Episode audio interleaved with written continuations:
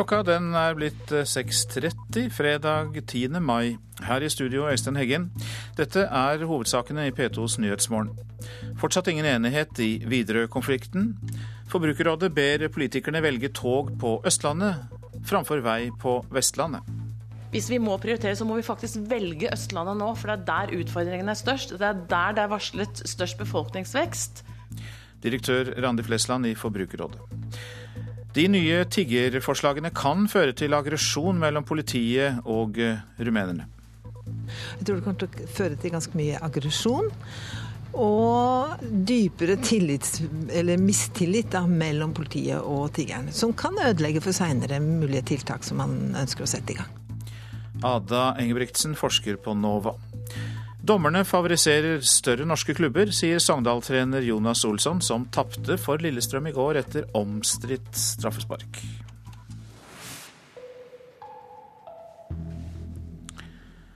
Alle Widerøes flygninger før klokka tolv i dag er innstilt etter at partene i streiken ikke har kommet til enighet tross uformelle samtaler i går. 312 kabinansatte gikk ut i streik natt til onsdag etter at meklingen i tariffoppgjøret ikke førte fram. I dag tidlig skal flyselskapet vurdere om streiken også fører til innstilte avganger i ettermiddag. Forbrukerrådet ber politikerne prioritere de store togutbyggingene på Østlandet. Direktør Randi Flesland sier at dersom man må prioritere, så er det intercityutbyggingen på Østlandet som må gå først. Togreisende som NRK har møtt, var delt i synet på hva som var viktigst, tog på Østlandet eller veier på Vestlandet. Eh, jeg syns det er viktigst å satse på kollektivtrafikk der det er flest mennesker. Jeg ser jo klart eh, at det er viktig å ha bra, bra veier på Vestlandet også. Jeg tror nok at jeg syns dette med togene på Østlandet òg en viktig sak. Noen av togpassasjerene var i tvil, men Forbrukerrådet er det ikke. Mandag denne uka møtte Forbrukerrådet til høring i Stortinget om Nasjonal transportplan, og direktør Randi Flesland sa bl.a. dette om prioritering mellom tog på Østlandet og vei andre steder. Hvis vi må prioritere, så må vi faktisk velge Østlandet nå, for det er der utfordringene er størst. Det er der det er varslet størst befolkningsvekst. Sånn som eh, Statistisk sentralbyrå sier, så det er der vi har det store problemet. Flere av politikerne i transportkomiteen reagerte på at Forbrukerrådet brukte det meste av taletiden på å snakke om tog på Østlandet. En av dem var Høyres Trond Helleland. Det var nok mange i komiteen som syntes det var et litt ensidig østlandsfokus på eh, mye av det som ble sagt, ikke bare fra Forbrukerrådet, men også andre organisasjoner. Eh, så, så, det var nok en del, eh, særlig representanter fra Vestlandet og Nord-Norge, som syntes det var veldig skeivt, det bildet som ble presentert. Debatten om tog versus vei vil antageligvis rase i lang tid framover. Fremskrittspartiets Bård Hoksrud mener Forbrukerrådet gjennom sitt klare togstandpunkt svikter sin rolle som bred forbrukerorganisasjon. Det er bra at eh, Forbrukerrådet er opptatt av jernbane på Østlandet, men det er ganske arrogant når eh, de egentlig sier til hele resten av landet at eh, vi bryr oss ikke om dere, fordi Forbrukerrådet har et ansvar for alle forbrukere, enten de er togkjørere eller, eller bilister eller syklister eller, eller andre. Men kritikken fra stortingspolitikerne ser ut til å prelle av Forbrukerrådets direktør Randi Flesland. Da er det faktisk sånn at noen ganger må du prioritere for å få til noe. Og da må du velge noe vekk. Og det vi har sagt at det aller, aller viktigste nå, det er å løse transportbehovet på Østlandet, hvor det er en stor befolkningsvekst. Og du må faktisk bygge ut intercitytoget for å få det transportbehovet løst. Og da får du også bedre plass på veiene. Ja, det sa Randi Flesland. Og reportere Halvard Norum og Sigrid Solund. Regjeringens forslag om å la kommunene forby tigging på visse steder til visse tider kan føre til mer aggresjon og mistillit mellom politi og tiggere. Det sier NOVA-forsker Ada Ingebrigtsen, som har forsket på romfolket og på rumenske tiggere her i Norge. Jeg tror det kommer til å føre til ganske mye aggresjon. Og dypere tillits, eller mistillit da, mellom politiet og tiggerne. Som kan ødelegge for seinere mulige tiltak som man ønsker å sette i gang. Justisminister Grete Faremo forsvarer sin politikk, og peker på at tiltakene er prøvd ut andre steder. Vi tar i bruk virkemidler som er anvendt eh, i andre land, og hvor det er de eh, ordensmessige utfordringene vi vil eh, prøve å bidra til bedre løsninger på. Reporter her, det var Ann Kristin Listøl. I dag starter politiet undersøkelsene på ulykkesstedet på Leangen i Trondheim, hvor to mennesker mistet livet onsdag ettermiddag da en brokonstruksjon kollapset.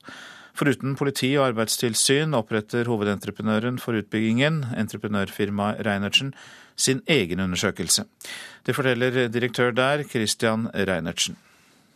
Altså nå, eh, nå, har vi iverksatt et granskningsteam, eh, og de vil komme frem eh, forhåpentligvis med svarene på hva som har skjedd.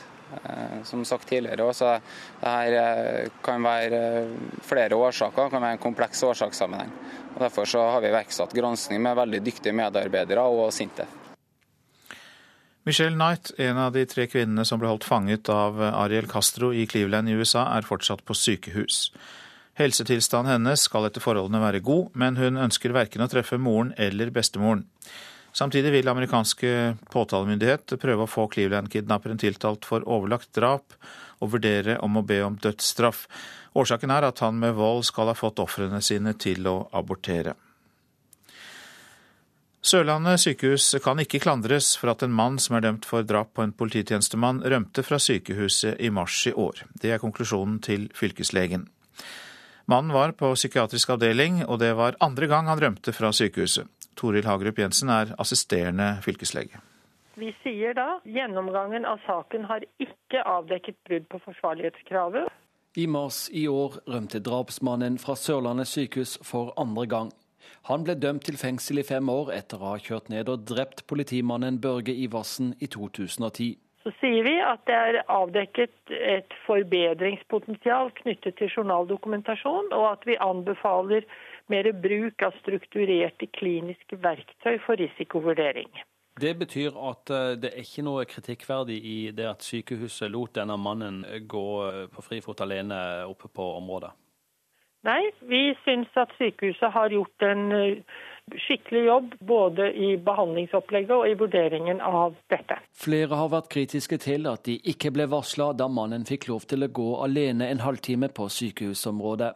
Men det er ingen krav om varsling, forteller assisterende fylkeslege Hagerup Jensen.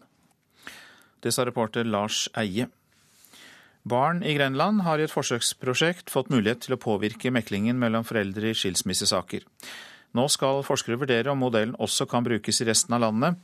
I prøveforsøket ved familievernkontorene i Nedre Telemark så har barn mellom 7 og 16 år snakket med mekleren på tomannshånd tre skiver på lista i dag. To. to. Det er tidlig morgen hjemme hos Marit Garstad og sønnen hans Tobias på Statelle i Bamble. Så er det kunst og håndverk i dag? Ja. Siste time. Er det siste timen? Mm. I forkant av skilsmissen for et drøyt halvår siden var elleveåringen med da foreldrene var til mekling. Alene med mekleren fikk Hans Tobias si hva han mente. Det var det viktigste for oss når vi skulle gå fra hverandre, var å ta hensyn til Hans Tobias. At det skulle bli best mulig for han. Eh, så Derfor var jeg veldig glad for at han fikk tilbud om å være med. Og kunne uttale seg om hva han tenkte om det, og hva han eh, Uten at vi var til stede. Eh, sånn at han slapp å tenke på at han sa noe som var galt for mamma eller pappa. Grenland familiekontor. Det er her ved Grenland familiekontor Hans Tobias har vært med i et forsøksprosjekt hos familieterapeut Gjertrud Jonassen. I meklingsmodellen som hun selv har laget, har barn mellom 7 og 16 år vært med på meklingsmøte der foreldrene lager samværsavtalen. Jeg tror at det er skjerpende for foreldrene. Jeg tror det er skjerpende at unger sier at jeg ønsker at mamma og pappa skal være venner. Jeg ønsker at de skal samarbeide. Eh, jeg ønsker at vi skal feire f.eks. jul eller bursdager sammen. Og jeg tror at foreldrene legger seg i selen for å følge ungene på det her.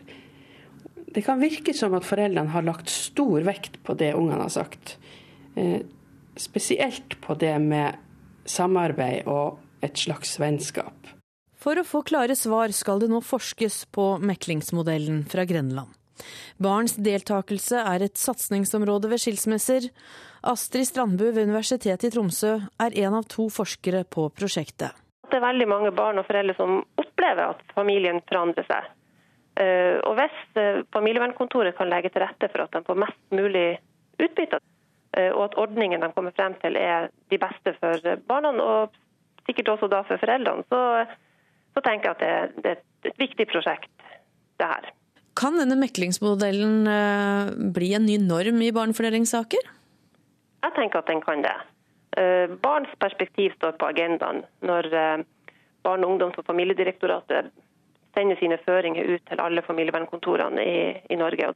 Men uten at vi har noen arbeidsformer som sikrer at det barna sier, kommer videre inn i, i denne prosessen som foreldrene er i, så nytter det ikke hvor flinke vi er å snakke med barn. Så vi trenger noen modeller, og dette er en sånn type modell. Syklen. Hjemme i Bamble er Hans Tobias klar til å sykle til skolen. Hvordan opplevde han å, å få være med? Han var veldig spent. Han var litt kry over å få lov å være med i den prosessen, tror jeg. Var, han var litt stolt over det, at han også skulle få si noe, være med og være viktig. Eh, og det var jo det som var for oss et hovedtema, at han, det er han som er viktig i dette. Ha det. Sykle forsiktig. Ja, du gjør alltid det. sånn, Tobias, men jeg må alltid si det likevel. Reporter her, det var Anne Katrine Syvertsen. Så en titt på avisen fredag 10. mai. Innvandrere feirer 17. mai like mye som nordmenn, skriver Vårt Land. Ikke-vestlige innvandrere er eh, like ivrige til å feire den norske nasjonaldagen som nordmenn. Få føler seg ekskludert, viser undersøkelse. Statkraft måtte gi opp milliardoppkjøp av den tyske energigiganten E.ON, skriver Dagens Næringsliv. I stedet selger Statkraft seg ut, for vi trenger likviditet til egne prosjekter, sier konsernsjef Christian Rynning Tønnesen. Borgerlige blåser i dansk kritikk, er oppslaget i Klassekampen. Annenhver danske mener kommunesammenslåing har ført til dårligere velferdstilbud, men de borgerlige partiene i Norge ønsker likevel å følge danskenes eksempel, skriver avisa. Taliban truer partier til taushet, skriver Aftenposten. 100 mennesker er drept i den pakistanske valgkampen.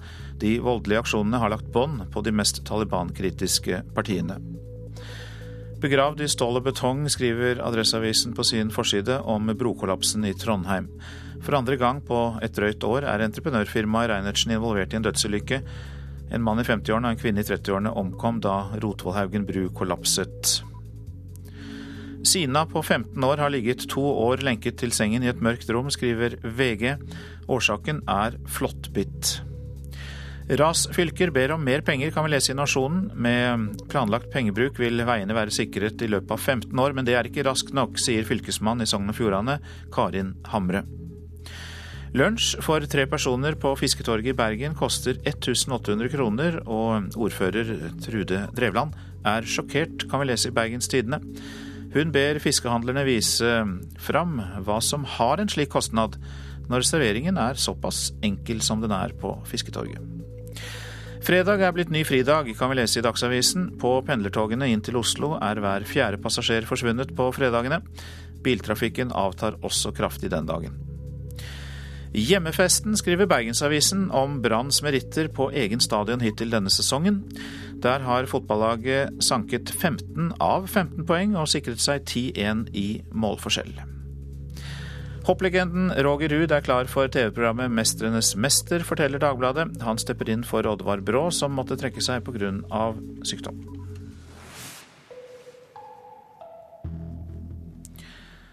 Dommerne favoriserer større norske klubber, mener Sogndal-trener Jonas Olsson.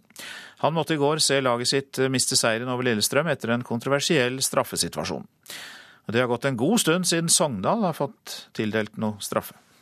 38 eliteserieomganger og ikke fått en enda straff. Jeg syns synd om spillerne. Reinrasende Sogndal-trener Jonas Olsson føler at laget hans blir urettferdig behandla. Mot Lillestrøm i går var klubben på god vei mot 2-1-triumf og tre poeng, men så skjedde dette. Så er det dømt straffespark på Åråsen stadion, og det er vill krangling i etterkant. Sogndal fikk straffe og skåring imot. Kampen enda dermed 2-2, til stor frustrasjon for Olsson. Ja, I det hele tatt så er det ingen straff.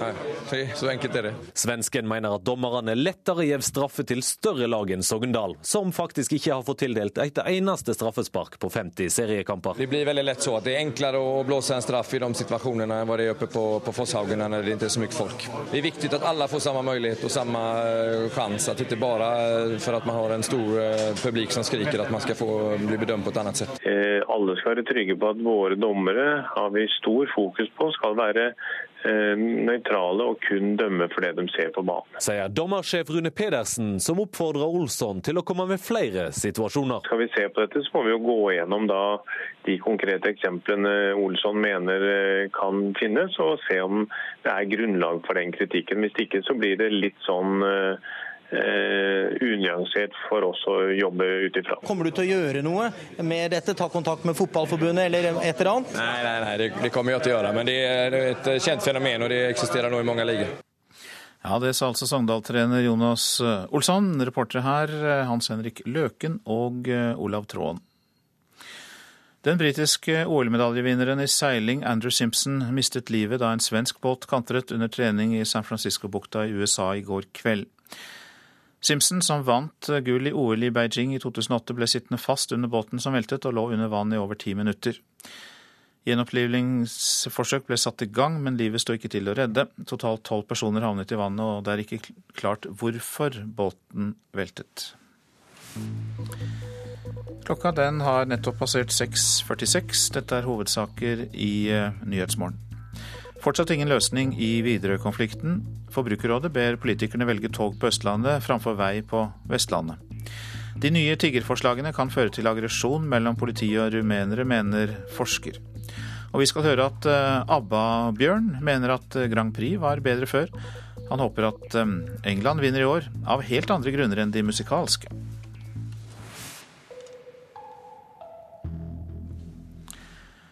Gutter leser mindre og dårligere enn jenter, det er noe en alltid har hørt. Men eh, stemmer det? Ifølge dosent ved Høgskolen i Vestfold, Kåre Kverndokken, som har skrevet boka 'Gutter og lesing', har gutter mindre interesse for bøker enn det jenter har. Men de leser nok mer enn de tror. Det er kanskje særlig det digitale tekstfeltet. Gutter er veldig på når det gjelder bruk av digitale verktøy, og forholde seg til et digitalt tekstfelt som kanskje skolen ennå ikke, i hvert fall ofte ikke når jeg er i praksis, ser at de tar inn over seg. Tidligere denne uka møttes over 200 lærere, bibliotekarer og folk fra forlagsbransjen fra hele landet på Farris bad for å få inspirasjon og tips til hvordan en kan gjøre gutter mer glad i å lese bøker. Det er forsket lite på hvorfor jenter leser mer enn gutter, og det finnes dermed ikke noe enkelt svar på hvorfor det er sånn. Men Kverndokken har gjort seg opp noen tanker om årsaken. Eh, jeg tror nok at eh, en del syns at denne skolekulturen knytta til, eh, til lesing utfordrer litt deres maskulinitet, rett og slett. De føler at skolekonteksten truer dem noe. Og så er det jo noe med at vekten f.eks. på skjønnlitteratur er Altså det er litt mye eh, Tilbud f.eks. i bøker av skjønnlitteratur er veldig rosa for tiden. Det er eh, to tredjedeler av de bøkene som kom ut eh, for et år siden, var skrevet av kvinnelige forfattere. Ser man på bøkene, på forsider, hva som står på baksidetekster, så er de veldig jentehenvendende. Det er mye eh, hjerter og leppestifter og rosa og lille omslag og snørr og tårer og kjærlighet og på jakt etter eh, guttekjærlighet. Så det er litt sånn eh, avskrekkende for gutter hvis ikke vi er flinke til å hente fram de bøkene som nettopp også gutter kan fenges av. For de fins, de? De fins. Men da må vi, vi som formidlere, vi som møter dem i skolekonteksten, der kommer jo alle guttene. Vi må jo være spesielt flinke til å hente disse bøkene fram. På biblioteket på Hedrum ungdomsskole i Larvik sitter det fem gutter fra åttende klasse rundt et bord. Det står mange bøker i hyllene rundt dem, men det ligger ingen på bordet. Fire av de fem sier de ikke er spesielt glad i å lese, mens en av dem leser mye. Og på spørsmål om hvorfor de leser lite, svarer Daniel A., Christian, Shadi og Stian dette. Jeg er ikke veldig stort interessert i bøker. Hva er det som skal til, tror du, da, for at du skal bli mer interessert i bøker? Det har jeg ingen anelse om, jeg bare liker ikke å lese. Nei, jeg er ikke så veldig interessert i det. Det beste er vel å lese på internett og aviser og generell lesing.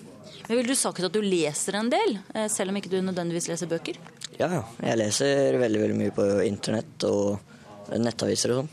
Hva skal til, tror du, for at du skal sette deg ned og lese en bok, da? En veldig spennende krimbok, tenker jeg. Leser du eh, mye bøker? Nei, fordi jeg er ikke interessert i bøkene. Har du prøvd å sette deg ned og lese en bok noen gang? Ja, men det er kjedelig. Leser du mye bøker? Nei, for jeg har rett og slett ikke tid. Hva er det du bruker tida di på? Mest fotball. Men du leser kanskje litt på nett og sånn innimellom, eller?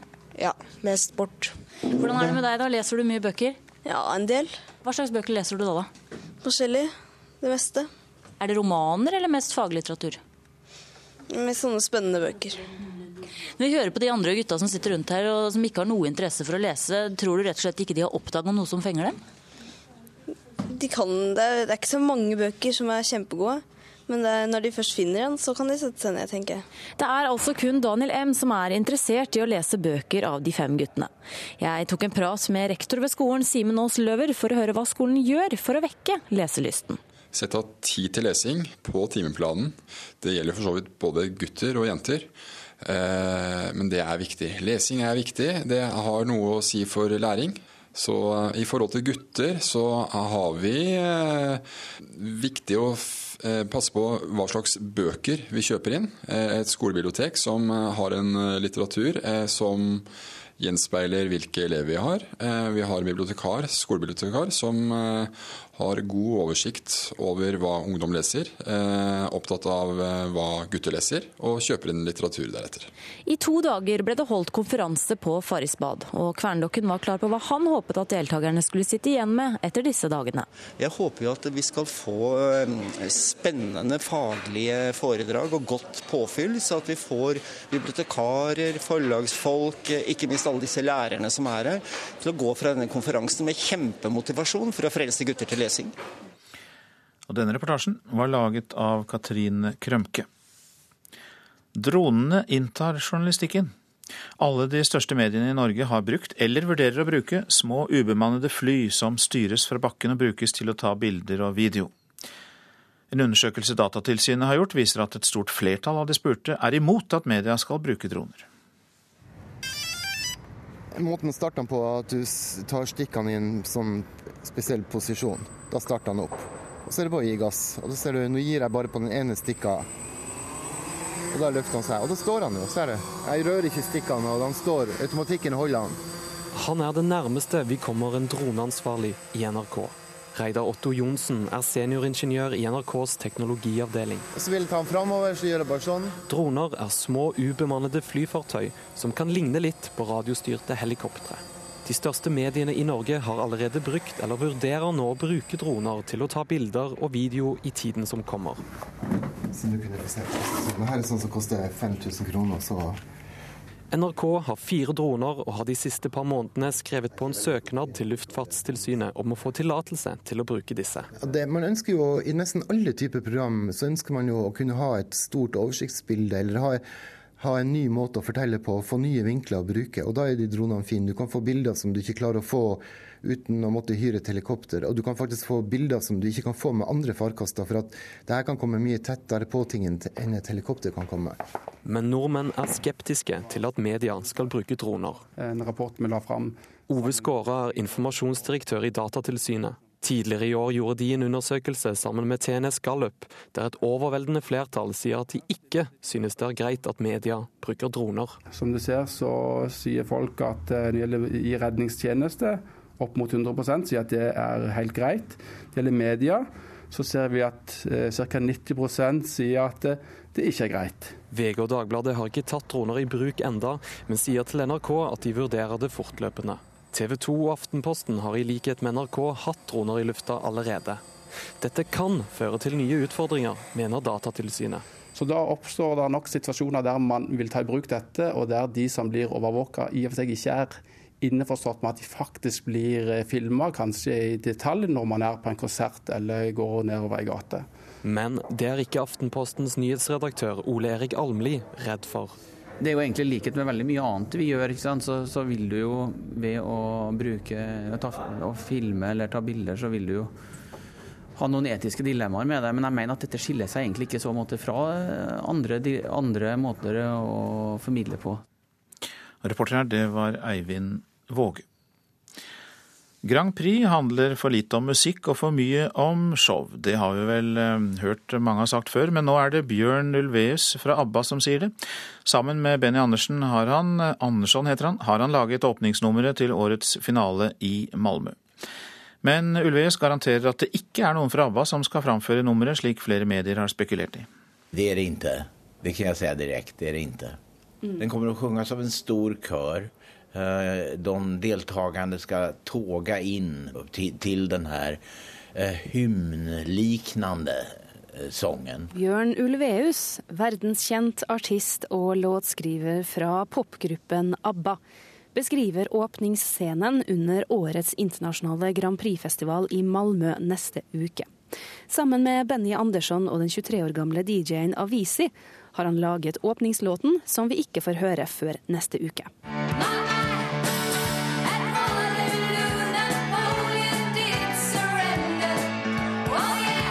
ABBA vant selv Eurovision Song Contest i 1974 med låten 'Waterloo'. Og konkurransen har forandret seg mye siden den gang, mener Bjørn Ulveus. Jeg skulle jo ønske at det gikk tilbake til det at det ble en, en ren uh, sangtävling. Uh, Nå er det så mye om allting rundt omkring og produksjoner og dans videre. Og det kan jo være kult å titte på, men, men det, er ikke, det, er ikke, bra når det tar over. Det er rolig når det kommer bra låter ur også. Mm. Som, som, det året Rybak vann var det en jättebra låt. Og förra året også i og for seg. Men det er så mye som er slätstruket tycker jeg. Han har ikke hørt mange av årets låter. Han håper England vinner i år, men det er av helt andre grunner enn det musikalske. De kan ha finalen i Brighton neste år, 40 år etter vi vant den. det vore noe. Men jeg tror ikke England vinner, det gjør de aldri. I'm nothing special. In fact, den siste tiden har det vært spekulasjoner i svensk presse om en mulig gjenforening av ABBA, etter at Agneta Feltskog sa til en tysk avis at hun ikke er mot dette.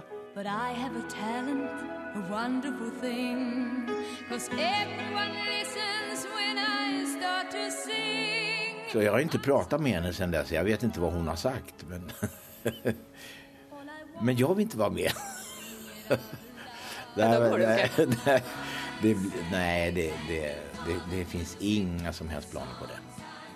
Om det av, av någon slags mirakel skulle vara så att vi hade tolv fräscha nya poplåtar av världsklass. Men sånt kommer inte ur tunn luft. Vet du.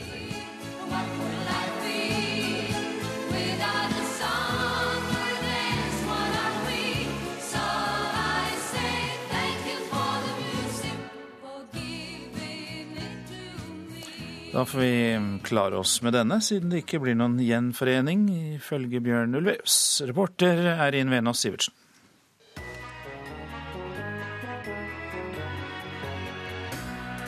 Radioselskapet presenterer Selskapslekene, fredagskviss på P2. Ukraina, Uganda, Ungarn, Uruguay Fire deltakere møtes til quiz på direkten og kjemper om en splitter ny DAB-radio. Da får vi tippe to. Det er helt fantastisk bra tippet. Gratulerer. Fredager klokka 11. Så et værvarsel til midnatt. Fjell i Sør-Norge, litt regn av og til. Snø i høyfjellet. Østland og Telemark oppholdsvær, lokal tåke. I kveld regn som brer seg sakte fra sør. Stort sett opphold nord for Lillehammer.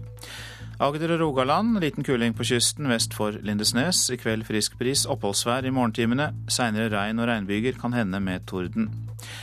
Hordaland og Sogn og Fjordane pent vær, gradvis tilskyende fra sør. Fra ettermiddag litt regn som brer seg fra sør. Møre og Romsdal og Trøndelag litt regn av og til. Fra utpå dagen oppholdsvær. Nordland lokal liten kuling i sør, litt regn på Helgeland, ellers opphold. Lengst i nord en del sol. Fra i ettermiddag oppholdsvær i Vesterålen, ellers spredt regn. Så var det Troms og Finnmark, opp i liten kuling i fjordstrøkene i Vest-Finnmark. Minkende utover dagen, pent vær, men eh, mer skyet i grensetrakten og på vidda. Nordensjøland på Spitsbergen, litt snø av og til. Temperaturer målt klokka fem i natt. Svalbard lufthavn null. Kirkenes og Vardø pluss to. Alta og Tromsø tre. Bodø åtte. Brønnøysund ni. Trondheim åtte. Molde ni. Bergen, Flesland fem. Stavanger seks. Kristiansand-Kjevik har vi ikke fått inn temperatur på, men Gardermoen der var det sju grader. Lillehammer ti. Røros to. Og Oslo-Blindern hadde sju grader klokka fem.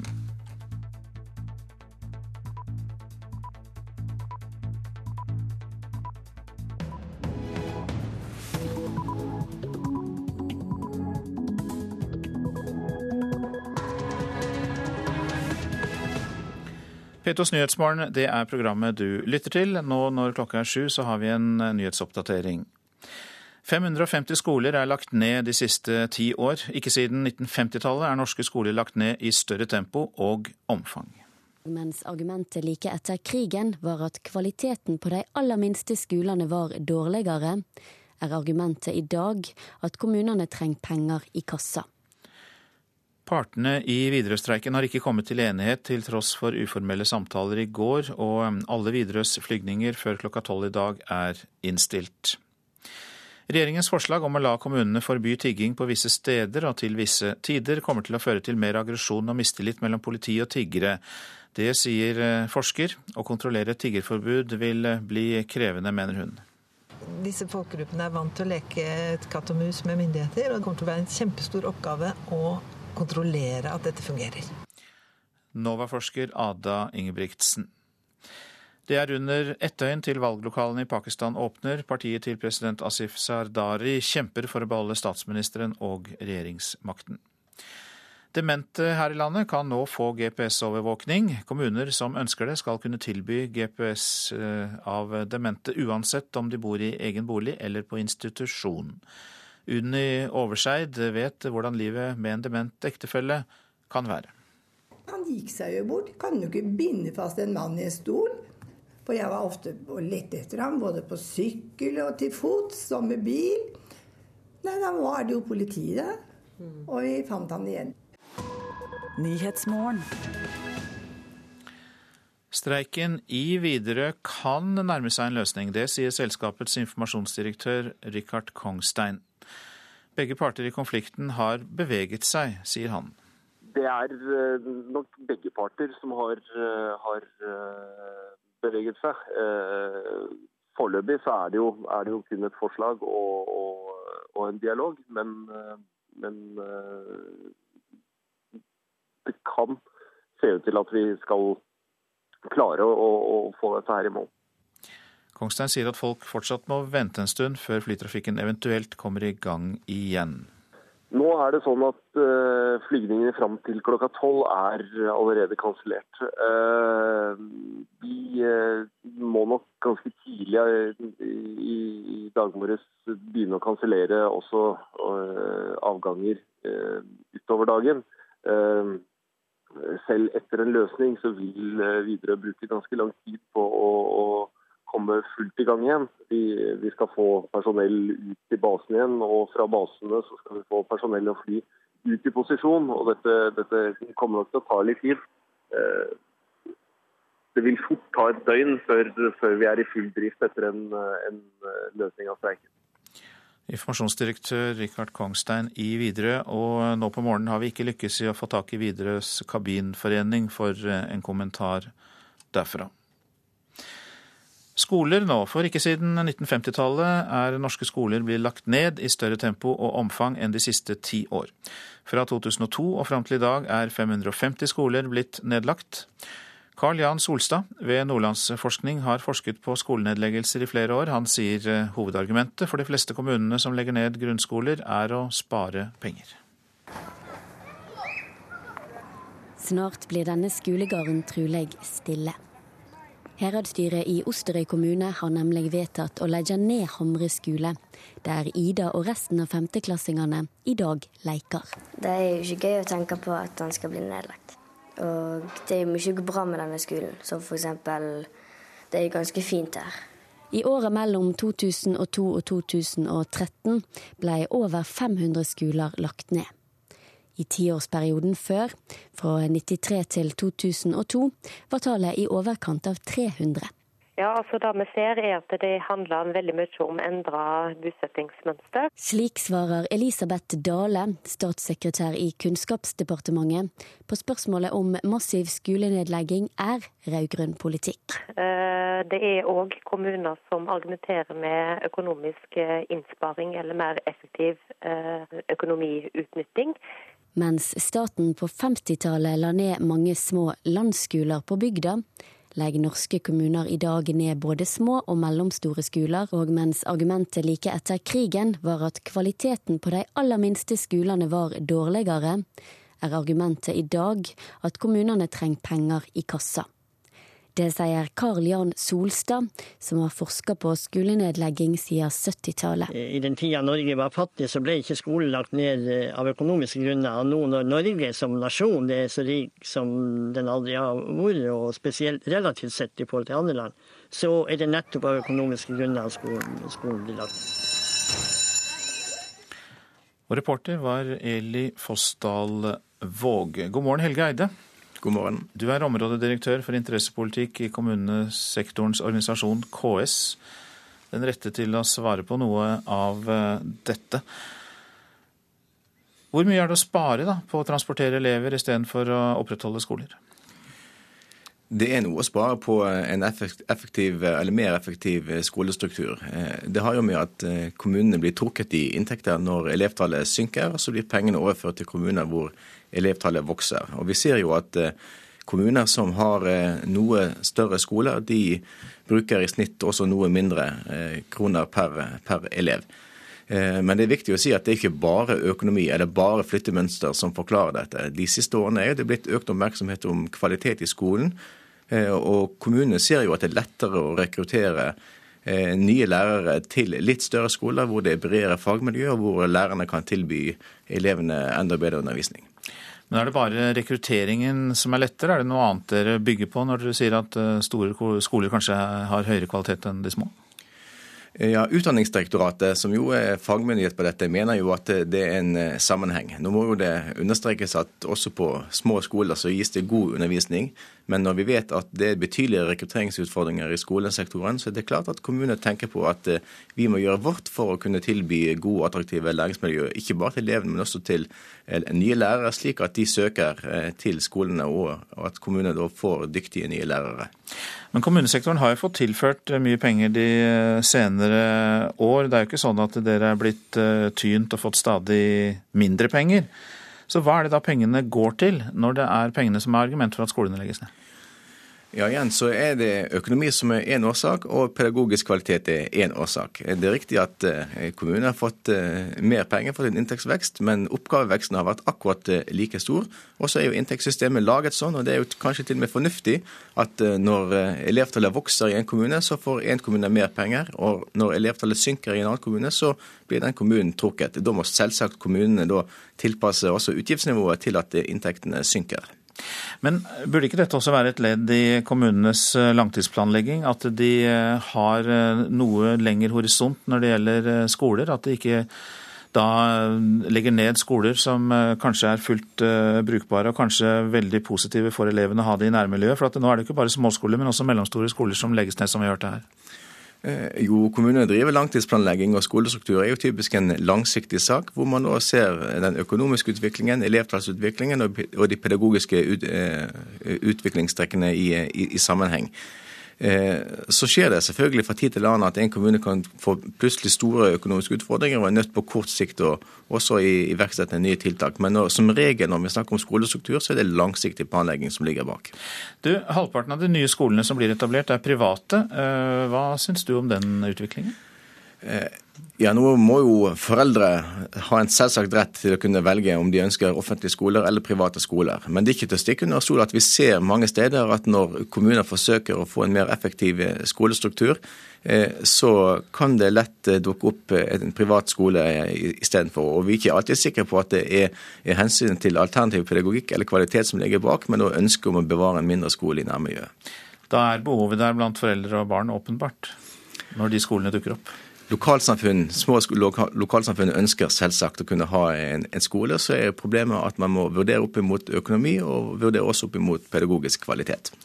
Helge Eide, takk skal du ha. Du er områdedirektør for interessepolitikk i eh, KS. Regjeringens forslag om å la kommunene forby tigging på visse steder til visse tider kommer til å føre til mer aggresjon og mistillit mellom politi og tiggere. Ja, det sier NOVA-forsker Ada Engebrektsen, som har forsket på romfolk og på rumenske tiggere i Norge. Det jeg har minst tro på, for å si det sånn, er vel dette med regulering av tigging på steder og tider. Tiggere i Oslo får beskjed om de nye reglene som justisministeren la fram denne uka. Not legal to beg outside the school. Det fattige folket får beskjed om at politiet får adgang til å fastsette tid og sted for hvor de kan møte opp med koppene sine. Ada Engebrigtsen hos NOVA har forska på bl.a. rumenske tiggere her i Norge. Forskeren tror at regjeringas nye politikk vil føre til økt konflikt mellom tiggerne og et politi som må bruke stadig mer ressurser på å følge etter dem. Jeg tror det kommer til å føre til ganske mye aggresjon. Og dypere tillits, eller mistillit da, mellom politiet og tiggerne. Som kan ødelegge for seinere mulige tiltak som man ønsker å sette i gang. Justisminister Grete Faremo forsvarer sin politikk, og peker på at tiltakene er prøvd ut andre steder. Vi tar i bruk virkemidler som er anvendt eh, i andre land, og hvor det er de eh, ordensmessige utfordringene vi vil eh, prøve å bidra til bedre løsninger på. Så målet må være det motsatte av det som da forskeren gir uttrykk for. Hva er det du ikke har troa på? Disse folkegruppene er vant til å leke katt og mus med myndigheter, og det kommer til å være en kjempestor oppgave å kontrollere at dette fungerer. Reporter her, det var Ann Kristin Listøl. Syria har fyrt av 200 raketter med kjemiske våpen mot opprørerne. Det sier Tyrkias statsminister Recep Tayyip Erdogan. Şimdi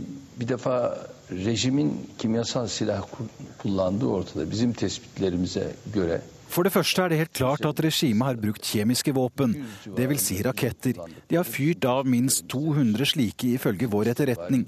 Det kan også dreie seg om mer, sier Tyrkias statsminister Erdogan i et intervju med TV-stasjonen NBC i USA. Erdogan mener det er lenge siden det syriske regimet trådte over president Obamas såkalte røde linje, den som skulle kunne føre til at USA engasjerer seg militært i Syria. Så enkelt er det nok ikke. Obamas retorikk har endret seg litt. Samtidig som man nok har en klar idé om at det er brukt kjemiske våpen i Syria, vil man ikke si av hvem eller hvor.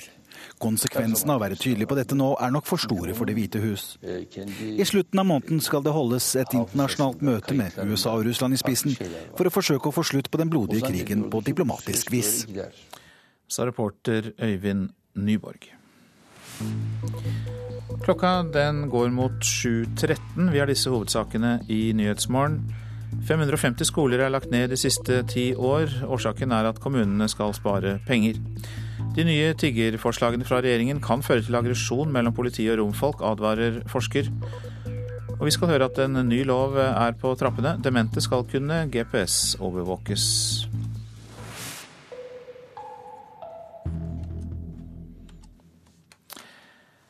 Nå til eh, Pakistan. For eh, mange, i, eh, for mange i Pakistan så er valgkampen kjærkommen underholdning, faktisk. Men denne gangen så har vi jo hørt om trusler om terrorangrep.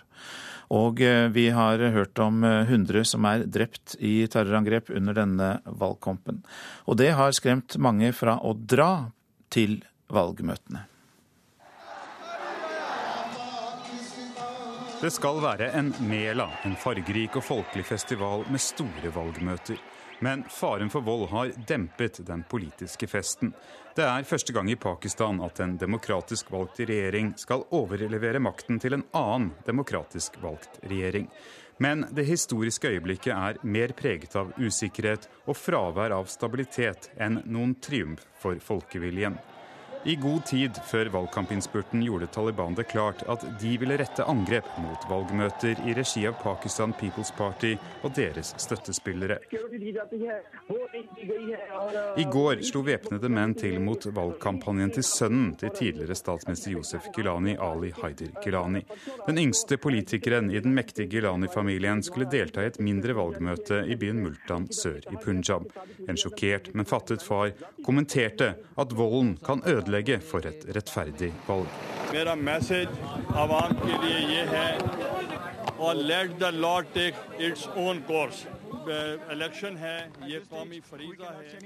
Sikkerhet og bedre levekår er hovedsakene ved dette valget. Det står mellom partiet til opposisjonsleder Nawaz Sharif, Den muslimske liga, et slags høyreparti, og Pakistan People's Party, som er partiet til president og enkemann til Benazir Bhutto, Asif Zardari.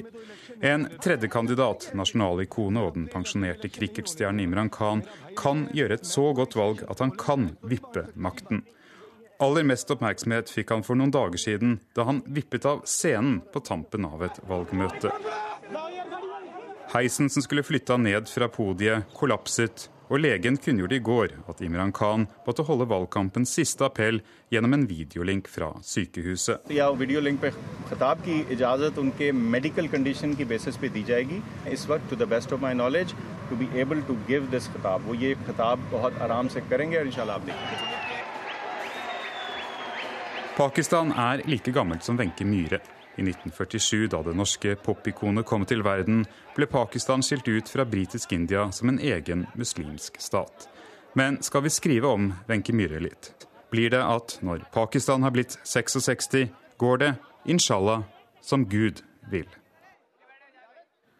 Det sa reporter Philip Lote, og til oss i studio så er du kommet, Eldrid Magli, du er førsteamanuensis i historie ved Universitetet i Oslo. Kan dette valget i Pakistan føre til noen endring i det politiske landskapet? Ja, det ser nesten sånn ut. Det som er nytt ved dette valget, er jo at det har kommet en, et nytt parti på banen som faktisk kan ha ganske stor betydning, nemlig Imran Khans rettferdighetsparti, og som utfordrer de to store maktblokkene som har dominert Pakistans politikk i lange perioder, nemlig PPP og PML.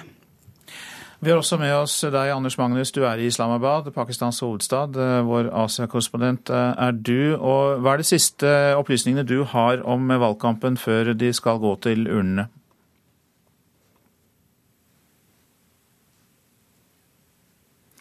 Der hørte vi lite.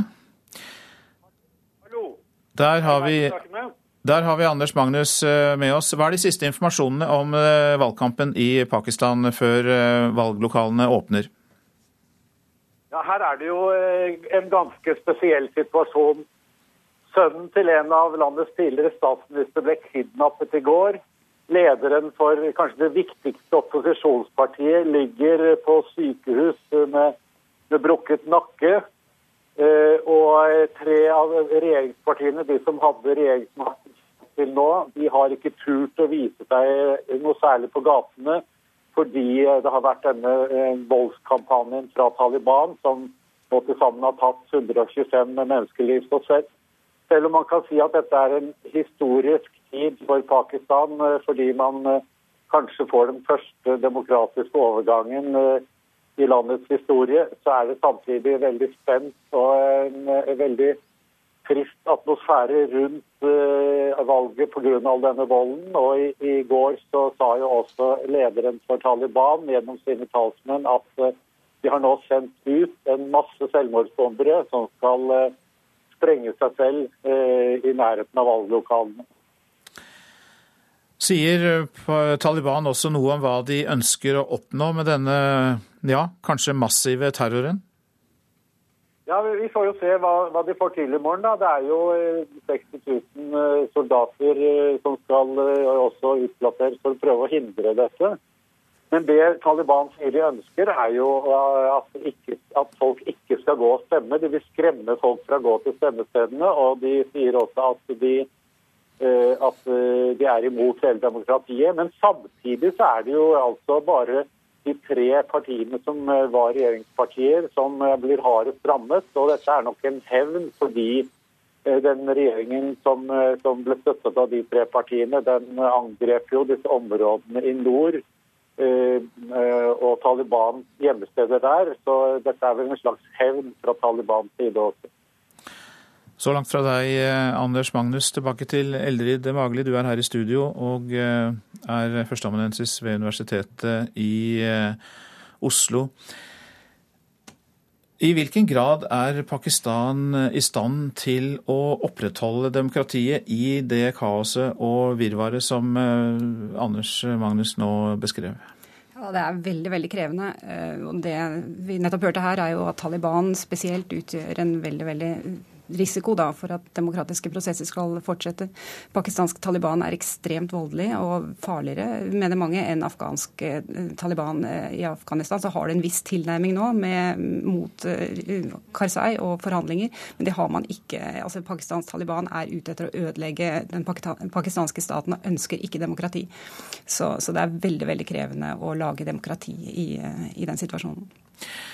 Taliban har jo sin agenda for så vidt både i Pakistan og Afghanistan. Men hva er det med den etablerte pakistanske politikken som kan ha bidratt til at den type opposisjon vokser fram? Ja, nei, altså, eh, en, en, viktig, en, viktig, faktor her er at de sivile regjeringene som har, vi har sett eh, gjennom hele 90-tallet, så var jo Pakistan eh, styrt av sivile regjeringer. De har jo ikke klart å levere varene. De har ikke levert grunnleggende infrastruktur til, til innbyggerne. Altså, I enkelte områder nå så er folk uten elektrisitet opptil 18 timer i døgnet. Økonomien ligger i ruiner. Eh, omtrent 90% av befolkningen viser meningsmålinger har ikke noe tiltro til det politiske systemet. Så det er klart at folk ønsker virkelig endring. Så, så det er mulig vi, at dette er virkelig en reaksjon mot, uh, mot vanstyret gjennom mange år. Men hva er det verste scenarioet du kan tenke deg for Pakistan da, hvis dette bare fortsetter og fortsetter? Vanstyre på den ene siden og Taliban-opposisjon og terror på den andre?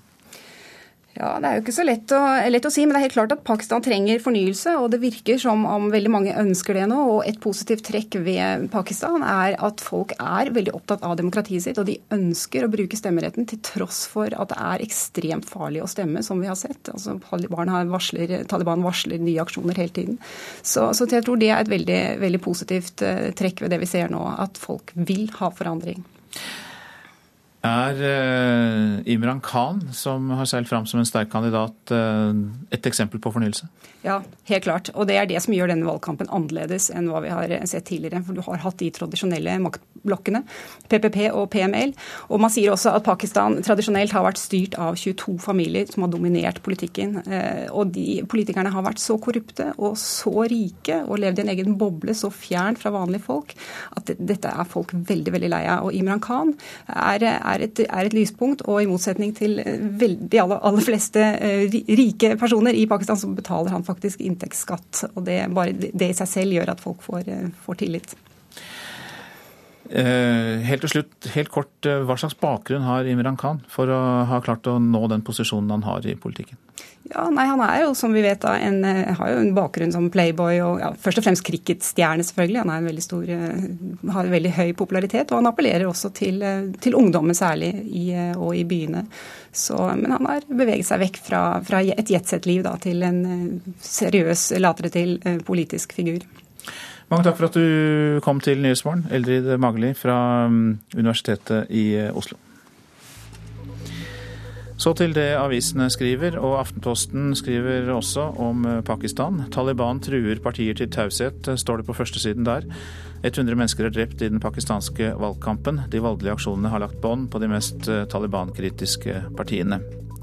Innvandrere feirer 17. mai like mye som nordmenn, skriver Vårt Land. Ikke-vestlige innvandrere er like ivrige på å feire den norske nasjonaldagen som nordmenn. Få føler seg ekskludert, viser undersøkelse. Statkraft måtte gi opp milliardoppkjøp av den tyske energigiganten E.ON, skriver Dagens Næringsliv. I stedet selger Statkraft seg ut, for vi trenger likviditet til egne prosjekter, sier konsernsjef Christian Rynning Tønnesen. Borgerlige blåser i dansk kritikk, er oppslaget i Klassekampen. Annenhver danske mener kommunesammenslåing har ført til dårligere velferdstilbud. Men de borgerlige partiene i Norge ønsker likevel å følge danskenes eksempel, skriver avisa. Begravd i stål og betong, skriver Adresseavisen om brokollapsen i Trondheim. For andre gang på et drøyt år er entreprenørfirmaet Reinertsen involvert i en dødsulykke. Sina på 15 år har ligget to år lenket til sengen i et mørkt rom, skriver VG. Årsaken er flåttbitt. Rasfylker ber om mer penger, kan vi lese i Nasjonen. Med planlagt pengebruk så vil veiene være sikret i løpet av 15 år, men det er ikke raskt nok. Det sier fylkesmann i Sogn og Fjordane, Karin Hamre. Lunsj for tre personer på Fisketorget i Bergen koster 1800 kroner, og ordfører Trude Drevland er sjokkert, kan vi lese i Bergens Tidende. Hun ber fiskehandlerne vise fram hva det er som har en slik kostnad, når serveringen er såpass enkel. Fredag er blitt en ny fridag, kan vi lese i Dagsavisen. På pendlertogene inn til Oslo er hver fjerde passasjer forsvunnet på fredagene. Biltrafikken avtar også kraftig på nettopp den dagen.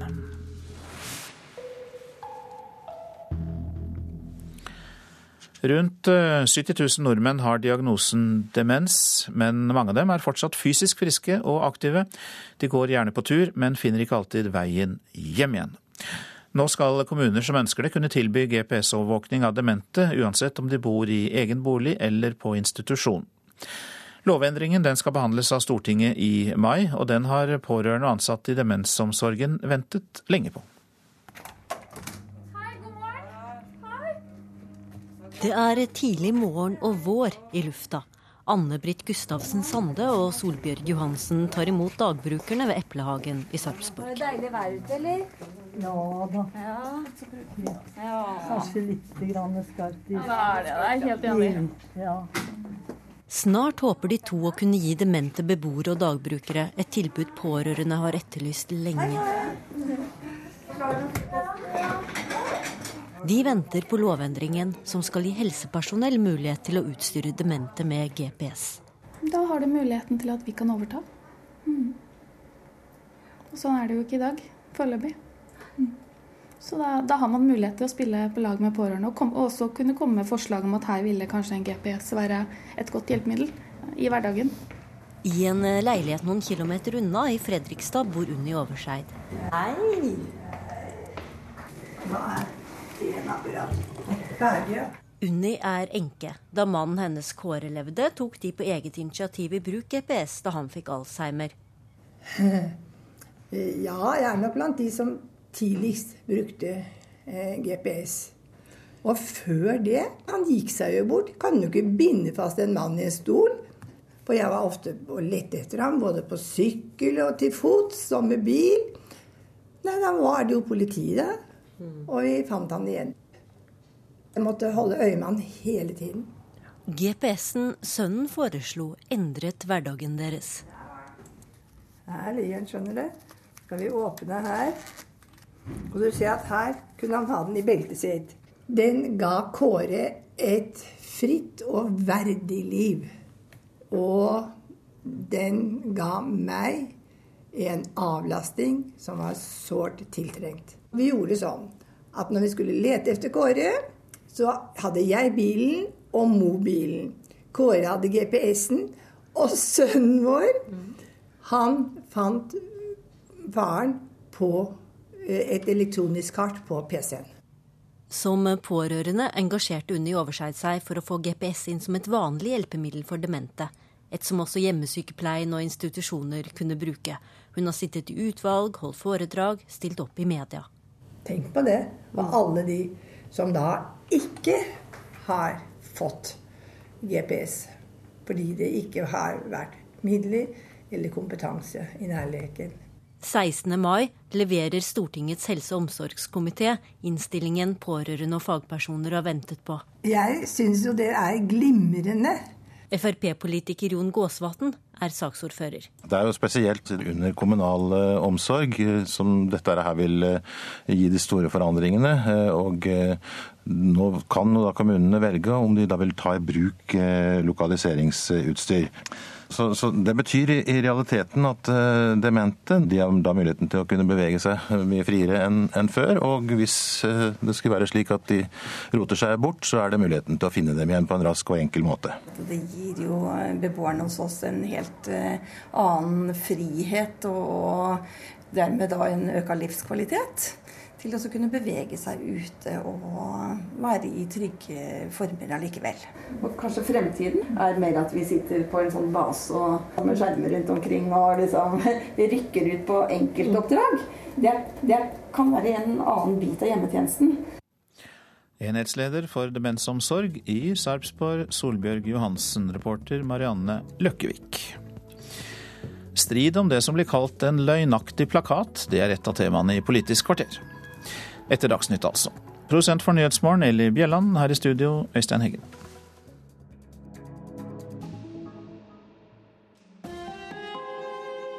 Hør ekko. I Norge kan du si hva du vil, når du vil, men du bør være tykkhudet. For på nett møter du folk som elsker å hate deg. Dildotryne, idiot, psykopat, ludder, loser. Klarer de å skremme folk fra å delta i debatten? Eller må den som er med på leken også tåle steken? Hør Ekko direkte fra mediedagene i Bergen. Ekko 9 11 i NRK P2. Det har blitt lagt ned rekordmange skoler under den rød-grønne regjeringen. Ledelsen i Widerøe håper streiken tar slutt i dag. Forbrukerrådet ber politikerne velge tog på Østlandet foran vei på Vestlandet, og det provoserer Frp. Fordi Forbrukerrådet har et ansvar for alle forbrukere, enten de er eh, togkjørere eller, eller bilister eller syklister eller, eller andre. Her er NRK Dagsnytt klokken 7.30.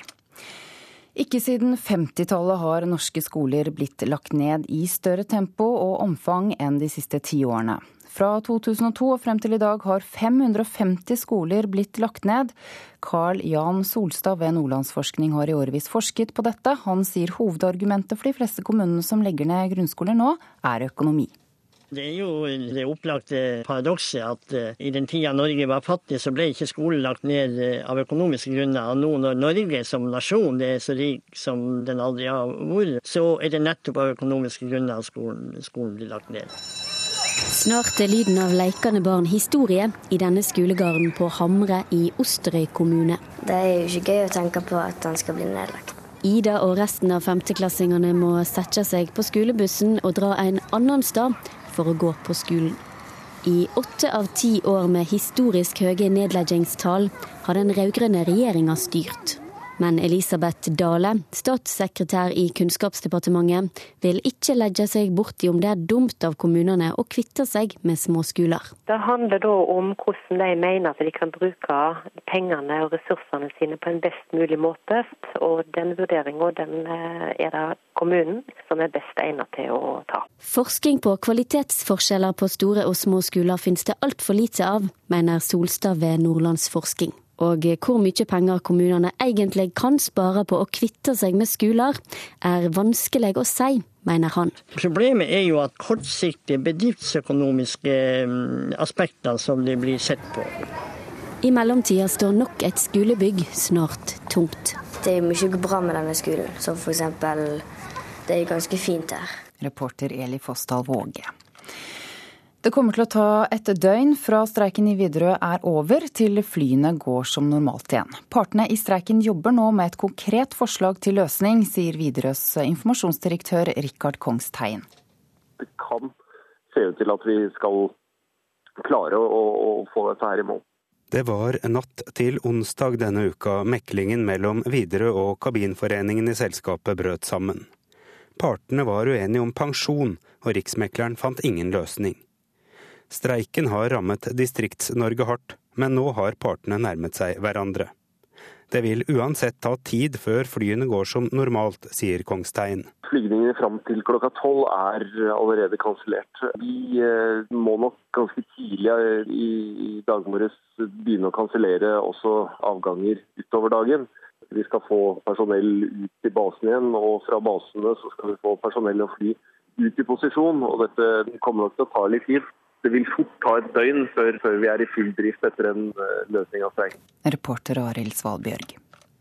Forbrukerrådet ber politikerne prioritere de store togutbyggingene på Østlandet. Direktør Randi Flesland sier at dersom man må prioritere, så er det intercityutbyggingen på Østlandet som må gå først.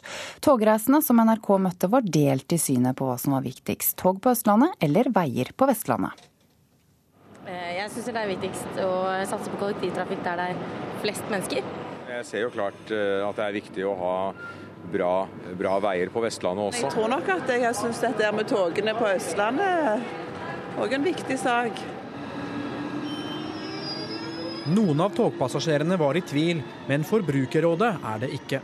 Mandag denne uka møtte Forbrukerrådet til høring i Stortinget om Nasjonal transportplan, og direktør Randi Flesland sa bl.a. dette om prioritering mellom tog på Østlandet og vei andre steder. Hvis vi må prioritere, så må vi faktisk velge Østlandet nå, for det er der utfordringene er størst. Det er der det er varslet størst befolkningsvekst. Flere i transportkomiteen reagerte på Forbrukerrådets noe ensidige fokus på østlandstogene, deriblant Fremskrittspartiets Bård Hoksrud. Det er ganske arrogant når eh, de egentlig sier til hele resten av landet at eh, vi bryr oss ikke om dere, fordi Forbrukerrådet har et ansvar for alle forbrukere, enten de er eh, togkjørere eller, eller bilister eller syklister eller, eller andre. Hoksrud mener Forbrukerrådet svikter sin rolle som bred forbrukerorganisasjon, men det avviser Forbrukerrådets direktør Randi Flesland. Da er det faktisk sånn at noen ganger må du prioritere for å få til noe. Og da må du velge noe vekk. Og det vi har sagt at det aller, aller viktigste nå, det er å løse transportbehovet på Østlandet, hvor det er en stor befolkningsvekst. Og du må faktisk bygge ut intercitytoget for å få det transportbehovet løst.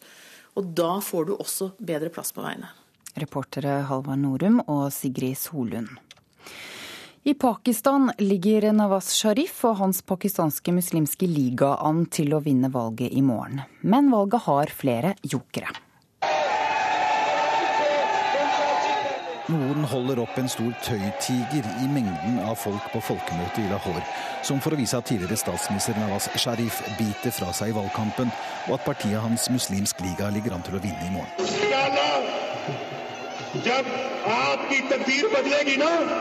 Hvis Gud vil, så vil landets skjebne endres. Unge menn, dere tegner framtiden. Pakistans grønne flagg er i deres hender. La det ikke falle i bakken, sier Sharif fra podiet. Han er populær fordi han lover økonomiske reformer, fordi han vil revurdere støtten til USAs kamp mot terror, og fordi han vil forhandle med Taliban. I en valgkamp preget av vold og drap er det verdt å legge merke til at det ikke har rammet Sharifs kampanje. Men valget har minst én joker. Cricketstjernen Imran Khan, som falt og skadet seg på et valgmøte, snakker til sine tilhengere fra sykesenga, overført på storskjerm. Bare Allah vet hvordan valget vil gå. Vi har gjort våre tabber, men vi vil rette dem opp så snart vi kommer i posisjon, sier Khan. Historiens mest voldelige valgkamp er over. Reporter Øyvind Nyborg. Regjeringens eh, forslag om å la kommunene forby tigging på noen steder og til visse tider kommer til å føre til mer aggresjon mellom politiet og tiggerne. Det mener Renova-forsker Ada Ingebreksen, som har forsket på rumenske tiggere her i landet. Disse folkegruppene er vant til å leke katt og mus med myndigheter, og det kommer, til være, det kommer til å være en kjempestor oppgave å kontrollere at dette fungerer. Tiggere i Oslo får beskjed om de nye reglene som justisministeren la fram denne uka. Det fattige folket får beskjed om at politiet får adgang til å fastsette tid og sted for hvor de kan møte opp med koppene sine. Ada Engebrigtsen hos NOVA har forska på bl.a. rumenske tiggere her i Norge. Forskeren tror at regjeringas nye politikk vil føre til økt konflikt mellom tiggerne og et politi som må bruke stadig mer ressurser på å følge etter dem. Jeg tror det kommer til å føre til ganske mye aggresjon. Og dypere tillits, eller mistillit da, mellom politiet og tiggerne. Som kan ødelegge for seinere mulige tiltak som man ønsker å sette i gang. Justisminister Grete Faremo forsvarer sin politikk, og peker på at tiltakene er prøvd ut andre steder. Vi tar i bruk virkemidler som er anvendt eh, i andre land, og hvor det er de uordensmessige ordensmessige utfordringene vi vil eh, prøve å bidra til bedre løsninger på. Så målet må være det motsatte av det som da forskeren gir uttrykk for. Reporter her var Ann Kristin Li Støl. I går ble det klart at David Moyes overtar ansvaret etter sir Alex Ferguson som manager for fotballaget Manchester United. Det er rett mann, mener tidligere Ferguson-elev Ole Gunnar Solskjær. Det kan godt hende at han blir 27 år, han òg, for han er mye lik en uh, Fergie. Og uh, det skal bli spennende. Uh, jeg er helt sikker på at han har det som skal til for å ta klubben enda videre. At han tør å ta over, det, det, det viser bare at han, at han, har det som skal til. Det sier Ole Gunnar Solskjær om valget av David Moyes som ny Manchester United-manager. Skotten signerte i går en seksårskontrakt med klubben, som de 26 siste årene er blitt ledet med stor suksess av sir Alex Ferguson. Jeg er Liverpool-fan, og jeg er veldig fornøyd med Brennan Rogers om dagen. Jeg synes han, eh, det kommer til å bli bra etter hvert. Men selv om favorittklubben er Uniteds kanskje største rivaler på Balløya, tror også Ronny Deila at Moyes er et klokt valg av de engelske seriemesterne. Nei, altså Det er jo en klubbbygger. Det er det som er positivt. Han har vært i samme klubb i tolv år, vel. og det, Da er det kvalitet. Det er en person som klarer å jobbe med folk over tid, og som klarer å utvikle klubb og har fått resultater nesten hele tida. Reporter Anders Mjåland. Det er Sven Gullvåg som er ansvarlig for Dagsnytt-sendingene denne morgenen. Teknisk ansvarlig er Per Ivar Nordahl. Jeg heter Ida Creed.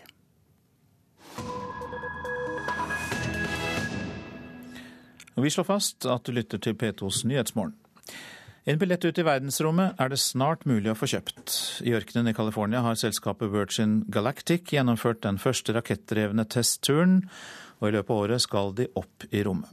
500 mennesker har allerede betalt depositum for å sikre seg en av de første plassene.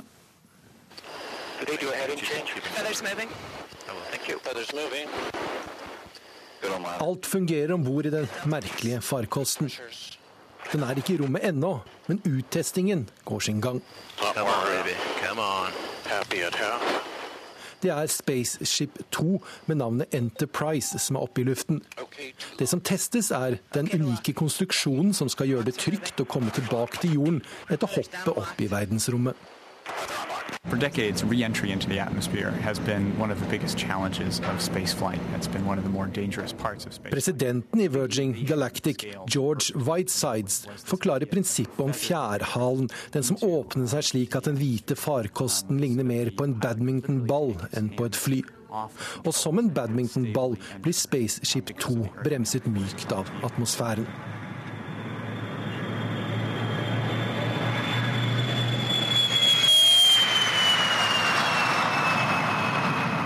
Det er stor aktivitet ved Mojave rombase i California. Testturene kommer tett, og flåten på fem romfly er under konstruksjon. Nye medarbeidere blir ansatt, mange av dem fra NASA, nå som romfergene har sluttet å fly.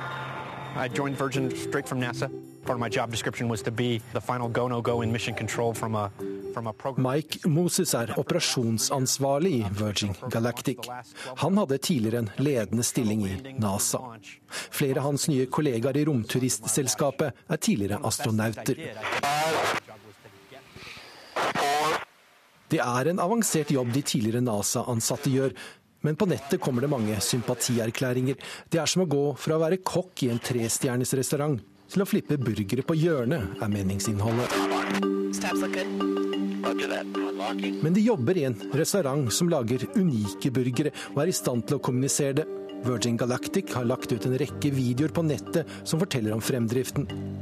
Men for mange i menigheten som følger selskapet, så er det fremdriften som er problemet.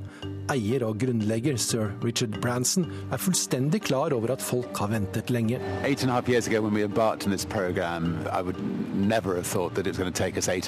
Branson snakker om den siste i rekken av milepæler. Romskipet har nå for første gang tent rakettmotoren, og med den tenningen ble farkosten det første kommersielle flyet til å bryte lydmuren siden Concorde-flåten ble satt på bakken.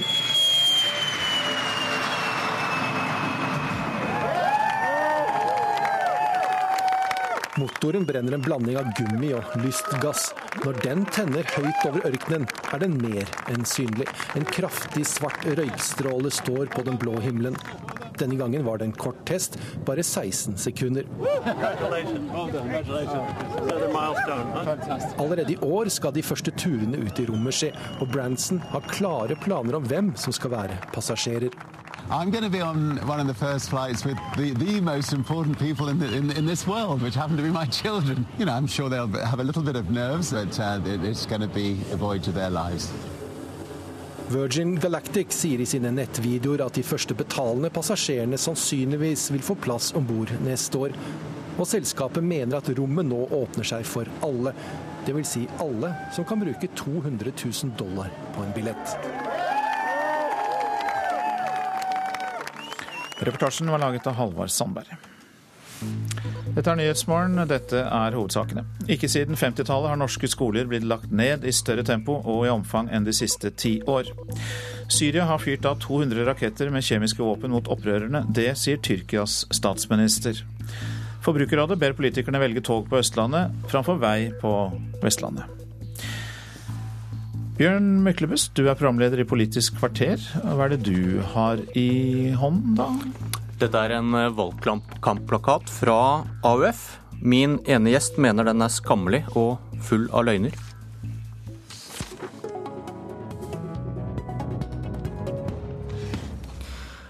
Og på plakaten står det Høyre og FrPs skole. Elever må betale mer selv. Egne flinklis klasser og taperklasser. Legg ned Lånekassa. Nivådeling av elever etter hvilke karakterer man får for å nevne noe. Himanshu Gulati, leder av Fremskrittspartiets Ungdom. Hva er det du mener er direkte løgner på denne plakaten? Ja, jeg kan nevne noen av løgnene. Bl.a. står det at elever må betale for å gå på skole med FrPs politikk. Det er løgn. Det står at Frp vil fjerne valgfag og få mer teori. Det er løgn. Tvert imot vil vi gjøre f.eks. sidemål valgfritt. Det vil ikke AUF. Og for å ta et siste eksempel. Det står at det blir flere slitne skolebygg med Frp og Høyre. Det er også direkte løgn. Og hvis man først skal ta Eskil på noe, så må det jo være at Frp har gitt mer penger til kommunene og til skoler enn det hans egen regjering har gjort. Dette er det fullt av løgnaktige påstander som deles ut til ungdommer i form av brosjyre på mange skoler. Og det viser, tror jeg, hvor AUF har tenkt å sette standarden for et skolevalg. Og Eskil, det er AUF-leder Eskil Pedersen.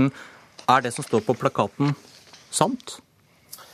Definitivt, og vi kan dokumentere det. Dette er en løpeseddel om skolepolitikk på fire sider, eh, der vi på den ene siden forteller om våre mål med skolen. At vi vil ha flere og bedre lærere, at vi skal bygge 3000 studentboliger i året osv.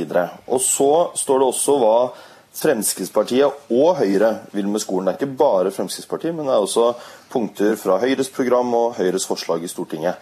Eh, vi vet ikke nøyaktig hva Høyre og Fremskrittspartiet blir enige om i skolepolitikken hvis de vinner valget, eh, men vi synliggjør begge delene, og det bidrar til å få fram forskjellene i politikken. Og alle presenterer jo glansbildene av sin egen politikk. Eh, og da har de andre partiene også et ansvar, mener jeg, til å synliggjøre det de mener er baksiden og ulempene med andre partiers politikk. Og Jeg skjønner jo godt at eh, FPU ikke vil at vi skal peke på deres egen politikk, at de f.eks. Eh, ønsker å eh, privatisere skolen, innføre karakterer fra barneskolen. Eh, men det kommer vi til å gjøre. Det er debatt, det er valgkamp, og det må FPU tåle. Og. FPU, FPU la, oss, la, oss ta, la, oss, ta, noe av det som står her helt konkret, Pedersen. Elever må betale mer selv. Dokumenter det. Eh, Høyre har eh, i eh, sitt program sagt at de vil være mer fleksible når det kommer til å praktisere gratisprinsippet. Står det noe om gratisprinsippet i Høyres vedtatte program? Pedersen? Da mistet vi Pedersen. Da spør jeg Gulati først. da. Står det noe i Høyres vedtatte program om om gratisprinsippet, eller i deres, som nå skal vedtas? Det står ikke noe eh, i vårt verken i nåværende eller det som nå skal vedtas. og Jeg tror heller ikke at det står noe i Høyres, uten at jeg er ekspert på deres program. Men, det var en Høyre-mann i studio som ristet på, på, hodet her, men jeg vet ikke om jeg skal ta det for god fisk. Han skal ha en debatt senere. Jeg er ganske, ganske sikker på at det heller ikke står noe i Høyres program. Og det blir jo litt som om jeg skulle anklaget Arbeiderpartiet for å melde Norge ut av Nato fordi SV har ment det på et eller annet tidspunkt eller EØS, fordi Senterpartiet og SV mener det. Og, og, det som, eh, og Vi føler at dette har vi egentlig opplevd litt før. for I skolevalget i 2011 så hendte det også at vi fikk elever som da kom fra andre partiets stand, også AUF, og spurte om det stemte som de hadde hørt, at man med Frp vil måtte betale mer for å gå på skole, vil måtte betale for å gå på sykehjem. Så, så det vi er opptatt av, er at dette viser at vi også bør ha skoledebattene på plass igjen i årets valgkamp. Ok, Da, da har vi med oss eh, Eskil Pedersen igjen, og du falt ut når du fikk spørsmålet Eh, står det noe om gratisprinsippet i Høyres program? Ja, det står i Høyres program så står det at uh, man kommer til å være litt mer fleksible på å praktisere gratisprinsippet. Har sita har du et sitat der? Ja, altså jeg har jo, som jeg har sagt, vi har dokumentasjon på de ulike sakene som står der. Og Det gjelder både når det kommer til gratisprinsippet, men det gjelder også basert på erfaring. Sist gang Høyre satt i regjering, så ble det altså Eh, eh, de gratis skolebøkene som den gang var innført, ble eh, solgt, og elevene måtte betale mer. Sånn at Vi har dokumentasjon på de ulike poengene som står i løpeseddelen. Men det er altså sånn at ungdomspartiene bruker sterkere virkemidler enn voksenpartiene. Sist gang det var valgkamp, så hadde FPU en løpeseddel hvor de sammenligna statsministeren med lommemannen, eh, den måtte de tåle ganske kraftig kritikk for. Eh, jeg var ikke så veldig hårsår overfor det. fordi at jeg aksepterer at ungdomspartiene bruker eh, sterke virkemidler. Men da må altså FPU og Unge Høyre tåle at vi også peker på baksiden av deres politikk. Og det virker jo som om de er ganske livredde for debatt før valgkampen har begynt. Men jeg mener at denne løpseddelen er godt innafor. Eh, det viser at vi har store ambisjoner for skolepolitikken hvis vi vinner valget i fire nye år. Og det viser at vi får en veldig annen skole eh, med Fremskrittspartiet og Høyre. Gulati? Ja, jeg, eh, jeg, er veldig glad for debatt. Og jeg er også glad for at alle partier påpeker det de mener er svakheter ved andre partier. Men det er en stor forskjell på det å ha debatt og det å komme med påstander i en brosjyre som er direkte løgnaktige, og som er usant. Og, og hvis, ja, men, la, meg også, la meg også få, få, fullføre at eh, vi har jo flere ganger utfordret både AUF og andre partier på at derfor bør vi ha skoledebatt i år, nettopp så man kan påpeke andre partiets svakheter, men også svare på de eh, anklager som FPU får fra AUF, og omvendt. Og Jeg håper derfor at også AUF og alle de andre partiene kan være med på at vi bør ha skoledebatter i år, slik at man nettopp kan ta slike debatter der, istedenfor å spre ting i brosjyrer som ikke er sant. Du Pedersen, hva, hva er det, du, du, sa at det er litt forskjell på ungdomspartier og, og, og, voksenpartiene. da. Hva er det som står på denne plakaten som Arbeiderpartiet eh, ikke kunne stått for? Jeg tror først og fremst partiene, voksenpartiene presenterer sin egen politikk. Eh, og det er jeg helt sikker på alle partiene, inkludert mitt eget, kommer til å gjøre. Og så mener jeg da at det er bra at ungdomspartiene bidrar til å skape debatt. For det er vanskelig for mange, eh, også ungdommer, eh, når de skal nå ta et viktig valg i høst, hvem de skal stemme på. Alle vil si at de er for en bedre skole, men de er usikre på hva ulempene med de forskjellige partienes politikk er. Og Det er jo det de må veie opp mot det partiene sier. Så Vi bruker dette virkemidlet for å få fram forskjeller. og Det er mange punkter om Arbeiderpartiet sin politikk. Våre mål for en skole der alle får et godt utgangspunkt i livet. Eh, så Det skriver vi eh, også mye om, men vi viser også til at det er forskjell i skolepolitikken. At Hvis Høyre og Fremskrittspartiet vinner valget, så blir det eh, mer privatisering av skolen. Det blir sannsynligvis færre lærere i den offentlige skolen, fordi at av erfaring vet vi at Eh, høyresiden for å finansiere sine skattekutt må ta fra et sted, og da må de også ta fra eh, skolebudsjettene. Så sånn det, det er forskjeller, og det skal vi bidra til å, eh, å få fram også i valget. Ja, Gulati, hvorfor er denne plakaten så mye verre enn å påstå at FrPs økonomiske politikk er uansvarlig, som noen også kommer med. Ja, bare si det siste Eskil Pedersen sa, det er jeg også uenig i, men det er en ærlig politisk debatt. Men det er jo ikke det AUF har skrevet i denne brosjyren. Påstandene de skriver, er jo andre typer påstander. F.eks. at med Frp blir det flere slitne skolebygg. Og Det vil jeg gjerne utfordre Eskil Pedersen på om det er sant, når vi gir ja. mer penger til kommunene enn hans egen regjering har gjort i år. En annen påstand er at vi vil fjerne valgfag. Da vil jeg også utfordre Eskil Pedersen på at eh, de, hans egen regjering, hans eget parti, har vært en sinke å gjøre sidemål til valgfag i alle år, mens vi har stått på der. Og så, det, eh, og så står det også at det blir ingen garanti om læreplass for yrkesfagselever. Der har vi en annen løsning. Men da vil jeg utfordre Eskil Pedersen på hvorfor har ikke hans egen regjering gjort dette på åtte år mens de har hatt makten? Da er vi inne i den eh, vanlige politiske debatten som vi dessverre ikke har tid til mer av nå. Takk for at dere var med.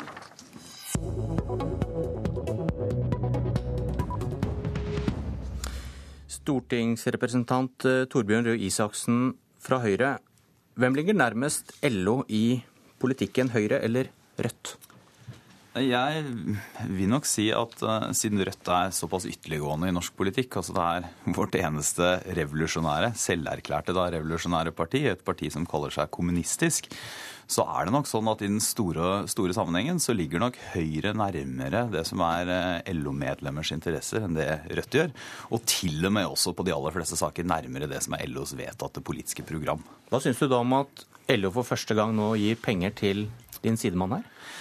Nei, det, altså LO er jo en demokratisk organisasjon, en demokratisk kongress, så de må jo få bruke pengene sine som de vil. Men jeg syns det var litt pussig at, at et, en kongress hvor Høyre blei kalt radikalt, Eh, da bare noen timer etterpå valgte å bruke 200 000 kroner av medlems, eh, medlemskontingentpengene på å støtte et parti som er revolusjonært, og som mener at trepartssamarbeidet er et slags sånn klassesvik mot arbeiderklassen, syns ikke akkurat det hang i hop. Eh, og jeg tror vel at mange LO-medlemmer kanskje ikke syns det var den beste bruken av kontingentpenger, for å si det sånn.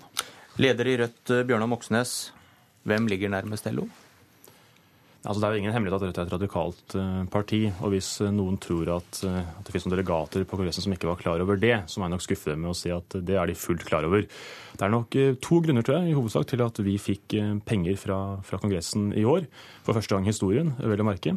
Det ene er pensjon. Jeg har møtt mange tillitsvalgte som, som jobber i lavtlønnsyrker, som har kollegaer som ikke får lov til å gå av 62 år fordi de har tjent for lite. Eh, de må jobbe til de har tjent opp nok til å kunne bli minstepensjonister.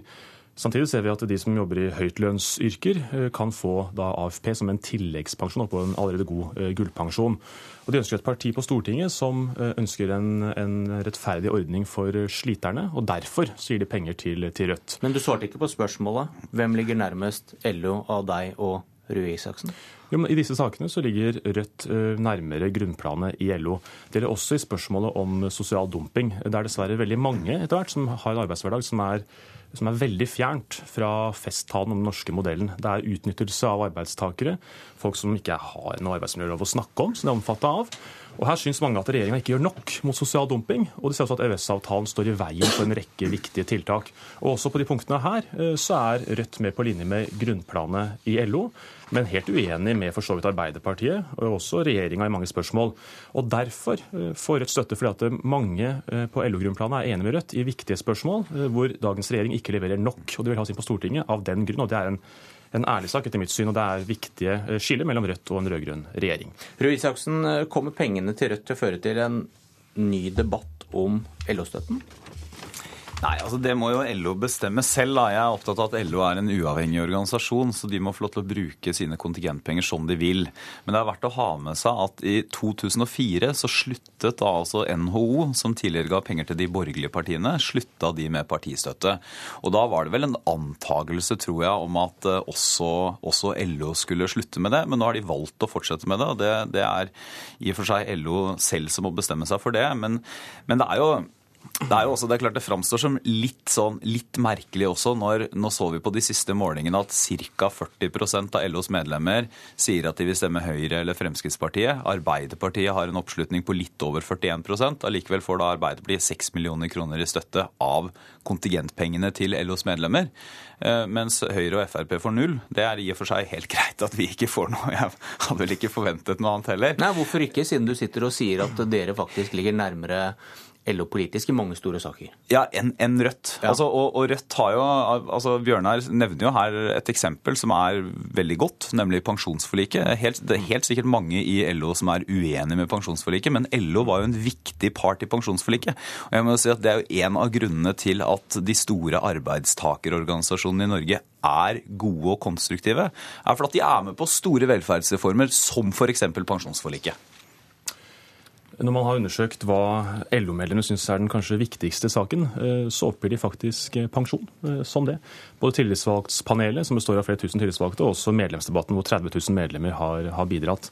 Vi har ikke møtt én tillitsvalgt som syns det er, er rettferdig at eh, de lavtlønte sliterne i arbeidslivet skal få kutt i sine pensjoner for å finansiere luksuspensjon for de som har hatt mer behagelige yrker, mindre fysisk slitsomme yrker, som kan stå i jobb til de kanskje er 70 år. Men LO det det er stiller seg bak pensjonsforliket? Ja, ja det, er, det er viktig å huske at det var et, et flertall på Kongressen som gikk inn for innstramningene. Men samtidig var det i år 44% av delegatene på Kongressen som stemte mot innstramningene, som ønska en ordning som ivaretar sliterne i arbeidslivet.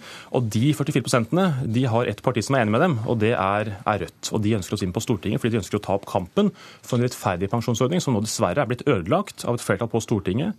Og det de ønsker, ønsker å endre på, der er Rødt side om side med dem. Jeg tror pro Problemet er at hvis Rødt, Rødts politikk skulle fått gjennomslag, så ville det jo ikke vært mye av et arbeidsliv eller et pensjonssystem igjen å forsvare. Altså, her er da et parti som er at man er mot EØS, det er det i og for seg andre partier som er også, men som mener at all inntekt over 1,5 millioner skal beslaglegges, 100% skatt, som i sitt program omtaler Statoil som et imperialistisk instrument, som vil ha drastisk reduksjon av olje- og gassutvinninga i Norge. Det blir ikke mange private arbeidsplasser igjen i Norge med den politikken. Det som er overraskende, var jo hvis LO ga penger til et konservativt parti som ønsker å svekke arbeidsmiljøloven. Det ville vært overraskende, syns jeg. Takk for debatten. Politisk kvarter er slutt.